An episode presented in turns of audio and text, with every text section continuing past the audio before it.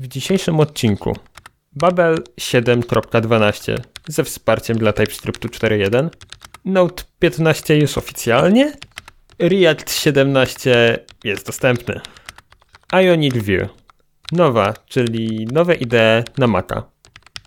Microsoft Edge wydaje wersję na Linuxa i ciekawostka ze stajni NVIDII. Devspresso. Newsy przedstawi dzisiaj Piotrek. I Łukasz. Cześć Łukasz, witam Cię w kolejnym tygodniu Devspresso. Cześć Piotrze, dzięki za zaproszenie. Słuchaj, mam dla Ciebie parę ciekawych newsów, mniejszych, ale wciąż bardzo ciekawych. Zacznijmy od tego, że tydzień temu wraz z Sebastianem powiedzieliśmy o tym, że wyszedł nowy TypeScript w wersji 4.1. O tak, słyszałem. Jak dobrze wiesz, ciężko jest pracować z takimi elementami i narzędziami, które są takie cutting edge i głównie w naszym środowisku javascriptowym potrzebujemy takiego fajnego narzędzia, jakim jest Babel. No więc tak, wyszedł nowy Babel, który wspiera nowego TypeScripta. Okej, okay, rewelacja. Rewelacja, we're happy about it. Ale to nie jest wszystko, bo tydzień temu po raz kolejny tydzień temu wspominałem z Sebastianem właśnie o tym, że wyszedł nowy NPM. No i mówiłem, że będzie on dostępny wraz z Nodem 15, o którym też już wspominaliśmy w, w odcinku ze 3 tygodnie temu, jak dobrze pamiętam. Tak, tak, to ja mówiłem o tym Nodzie, zgadza się. No właśnie, także minął tydzień, a tu bęk, mamy oficjalny release nowego Noda. No i oczywiście jest w nim wspomniany NPM w wersji 7. A do tego jest Abort Controller, czyli taka eksperymentalna implementacja Abort Controller Web API, która służy nam do takiego wysłania sygnału anulowania promisa tak naprawdę w API, które są oparte na promisach. Kolejna rzecz to NAPI 7, czyli nowa wersja API do pisania natywnych addonów do Node'a. Wow, fajnie. To jest ciekawe, czyli Quick. Quick, czyli nowy protokół transportowy oparty o UDP, który jest podstawowym protokołem w HTTP3. No i Quick wspiera oczywiście tam TLS-a, 1.3, flow control, e, korekcję błędów, e, migrację połączeń, jakiś multiplexing, więc tego jest mnóstwo, bardzo fajna sprawa. No i jest kolejna nowa wersja V8, czyli znów jest szybciej, znów jest lepiej, jak to, jak to standardowo. Oczywiście twórcy zachęcają do, do update'u, więc pewnie i też się z chęcią na niego rzucisz, już teraz od razu. Tak, tak, oczywiście. Tym bardziej, że dowiedziałem się niedawno, że V8 można używać w React Native. O, to też jest bardzo ciekawa, ciekawa rzecz. No, no to jak widać, mhm. proszę bardzo, nowy Node jak najbardziej tutaj pomoże. Dodatkowo ciekawą informacją jest to, że wraz z wydaniem 15 za tydzień dokładnie 14 stanie się LTS-em, więc ktoś, kto zwlekał w tej chwili z update'em powinien pomyśleć, zaplanować ten update do 14. No i jeszcze dodatkowo twórcy Node'a wspomnieli, że wraz z tymi wszystkimi update'ami Node 10 wejdzie w tak zwany end of life w kwietniu 2021 czyli żegnamy Node'a mhm. 10. Ciekawe jak to będzie tylko ze wsparciem dla tych nowych wersji Node'a w bibliotekach, których wszyscy używamy. No dokładnie, też jestem bardzo ciekawy. Większość z nich już jest przepisywana na głównie na 13 i 14, więc mam nadzieję, że cała reszta też już się pokusi o to, żeby to zrobić. Dobra, to słuchaj, to pewnie też pamiętasz, że w odcinku szóstym wspominałem osobiście o release candidate React 17. O kurde, jaki mamy nostalgiczny dzisiaj odcinek. Bardzo nostalgiczny. Teraz mogę Ci oficjalnie przedstawić React 17, bo jest on już dostępny.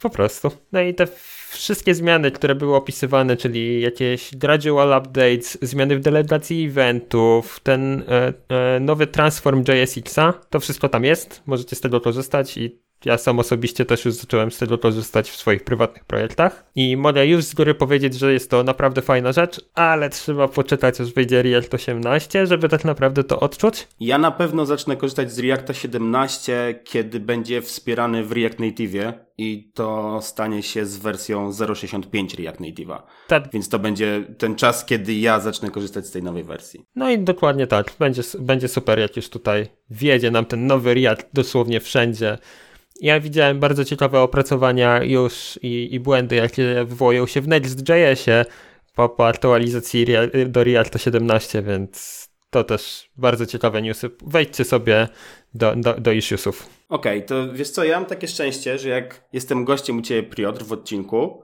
to akurat wtedy jakiś duży framework dostaje potężny upgrade i przed chwilą rozmawialiśmy o najnowszym Reakcie, a pamiętasz jak kilka tygodni temu rozmawialiśmy o nowej wersji Vue? Tak, pamiętam. Bardzo dokładnie to pamiętam. Tak, więc po niecałym miesiącu od release'u Vue 3.0 twórcy Ionika ogłosili wsparcie dla tej technologii i niedawno wydali paczkę, która nazywa się po prostu Ionic View. Więc teraz szybkie przypomnienie, czym jest Ionic. Ionic to jest framework do budowania hybrydowych aplikacji mobilnych oraz PWA, korzystając z technologii typowo webowych, jak HTML, CSS, Angular, React czy właśnie Vue. Ionic zapewnia również oczywiście dostęp do natywnych funkcjonalności docelowej platformy. W blogu, który czytałem, twórcy chwalą się, że ponad 15% aplikacji mobilnych jest napisanych przy użyciu Ionika, co muszę przyznać jest niespodziewanie dużą liczbą. A moje zdanie jest takie, im więcej multiplatformowości, tym lepiej. Konkurencja działa pobudzająco na rynek i dzięki temu mamy całe spektrum możliwości przy budowaniu aplikacji. Tak, zgodzę się dokładnie, dokładnie z, te, z tą twoją wypowiedzią. Tym bardziej, że niedawno powstało nowe idee, które nie jest multiplatformowe. No właśnie, mamy do wyboru mnóstwo rozwiązań typu WebStorm, które jest oparte na IntelliJ'u, czy, czy VS Code od Microsoftu, a tu przychodzi sobie firmka, jaką jest Panic i mówi nam, hej, wiecie co, potrzebujemy jednak nowoczesne idee do JavaScriptu, stricte na Maca. Tylko i wyłącznie. To chyba tylko w ekosystemie Apple'a znajdują się firmy, które targetują tylko i wyłącznie e, Maca, prawda? Tak, bardzo często. Wydaje mi się, że część idei, które, które powstają też na Linuxie są o, Linux only, da się je odpalić za pomocą tego WSL-a tak zwanego na Windowsie, gdzieś tam pod spodem, ale większość z nich e, potrafi być tylko, tylko na Linuxa. Jednak, tak jak mówisz, Apple ma to swoje takie środowisko, w którym powstają deweloperzy, którzy piszą tylko na te sprzęty i, i na, te, mm. na te systemy. No więc powstał nowe idee tylko dla Maca i się nazywa Nowa. O, okej. Okay. I Nowa jest bardzo ciekawa, bo ma wbudowaną oczywiście funkcjonalność do obsługi Gita, obsługę tasków, podgląd aplikacji tutaj oparty o WebKit, rozszerzenia, dodatki, no i oczywiście tam jest obsługa TypeScriptu, Prettiera, Eslinta i czego tam sobie jeszcze chcemy. To brzmi jak VS Code, ale jest o wiele szybsze. Tak, bardzo. I jest o wiele, wiele szybsze i niestety jest płatny, no jak wiele dobrych aplikacji na Maca. IDE kosztuje 99 dolarów za pierwszy rok. Uch.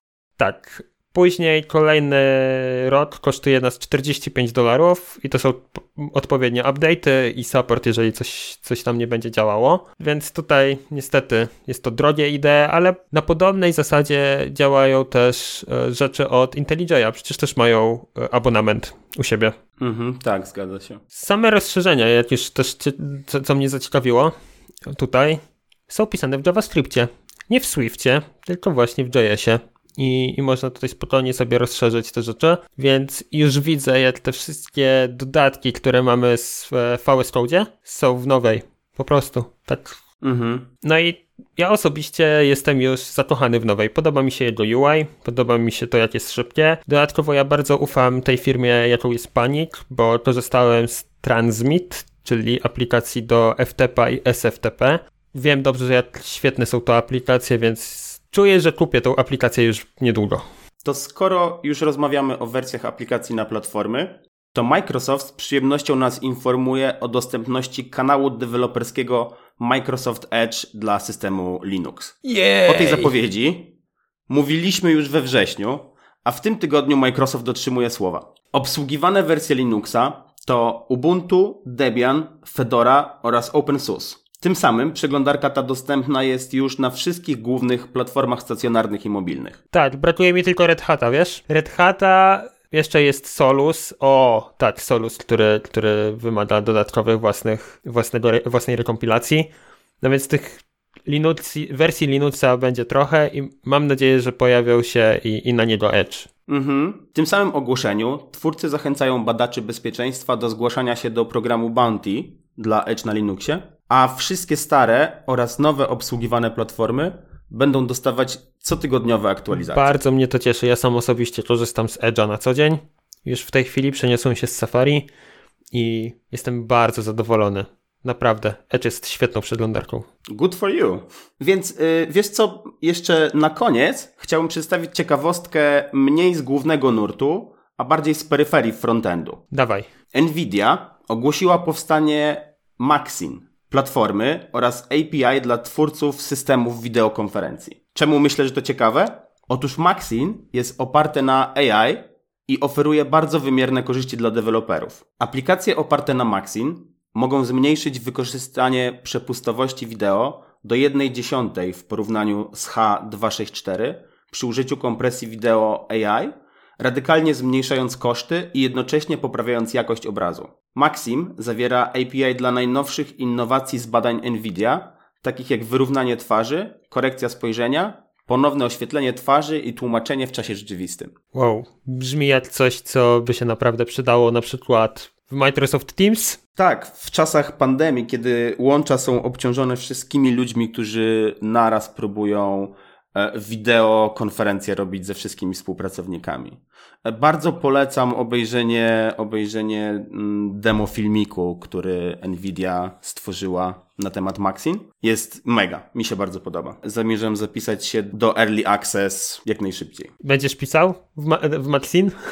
Tak, zamierzam się pobawić co najmniej. Fajowo. Bardzo, bardzo mnie to cieszy, że tacy deweloperzy jak ty chcą tworzyć nowe rzeczy, bo ja sam osobiście pewnie nie mam może do tego głowy, żeby pisać rzeczy z AI aż tak mocno pod spodem. Wiesz co, to nie tyle piszesz rzeczy z AI, co korzystasz z udostępnionych narzędzi, tak jak kiedyś Microsoft udostępnił API do Computer Vision, mhm. tak samo jak teraz korzystasz z Google Translate'a, więc to mniej więcej pewnie wygląda podobnie. O, tak w ogóle teraz sobie pomyślałem, że to jest bardzo ciekawe, gdzie to AI w ogóle jest trzymane. Czy to jest AI gdzieś w chmurze, czy to jest AI serwerów Nvidia gdzieś? Z tego co wiem, to platforma jest cloudowa i utrzymywana po stronie Nvidia oraz jeszcze jakaś sztuczna inteligencja działa po stronie klienta który odbiera ten przekaz wideo. Natomiast jeśli chodzi o szczegóły, to zdecydowanie polecam zapoznać się z całym artykułem potężnym, który Nvidia udostępniła. Jasne, jak najbardziej. Dzięki bardzo za, za, za tego newsa i, i za całą resztę w tym tygodniu. To było naprawdę mega ciekawe i z chęcią się ze wszystkim tym, tym zapoznam, co tutaj mi przedstawiłeś. Bardzo dziękuję również. Hej. Hej.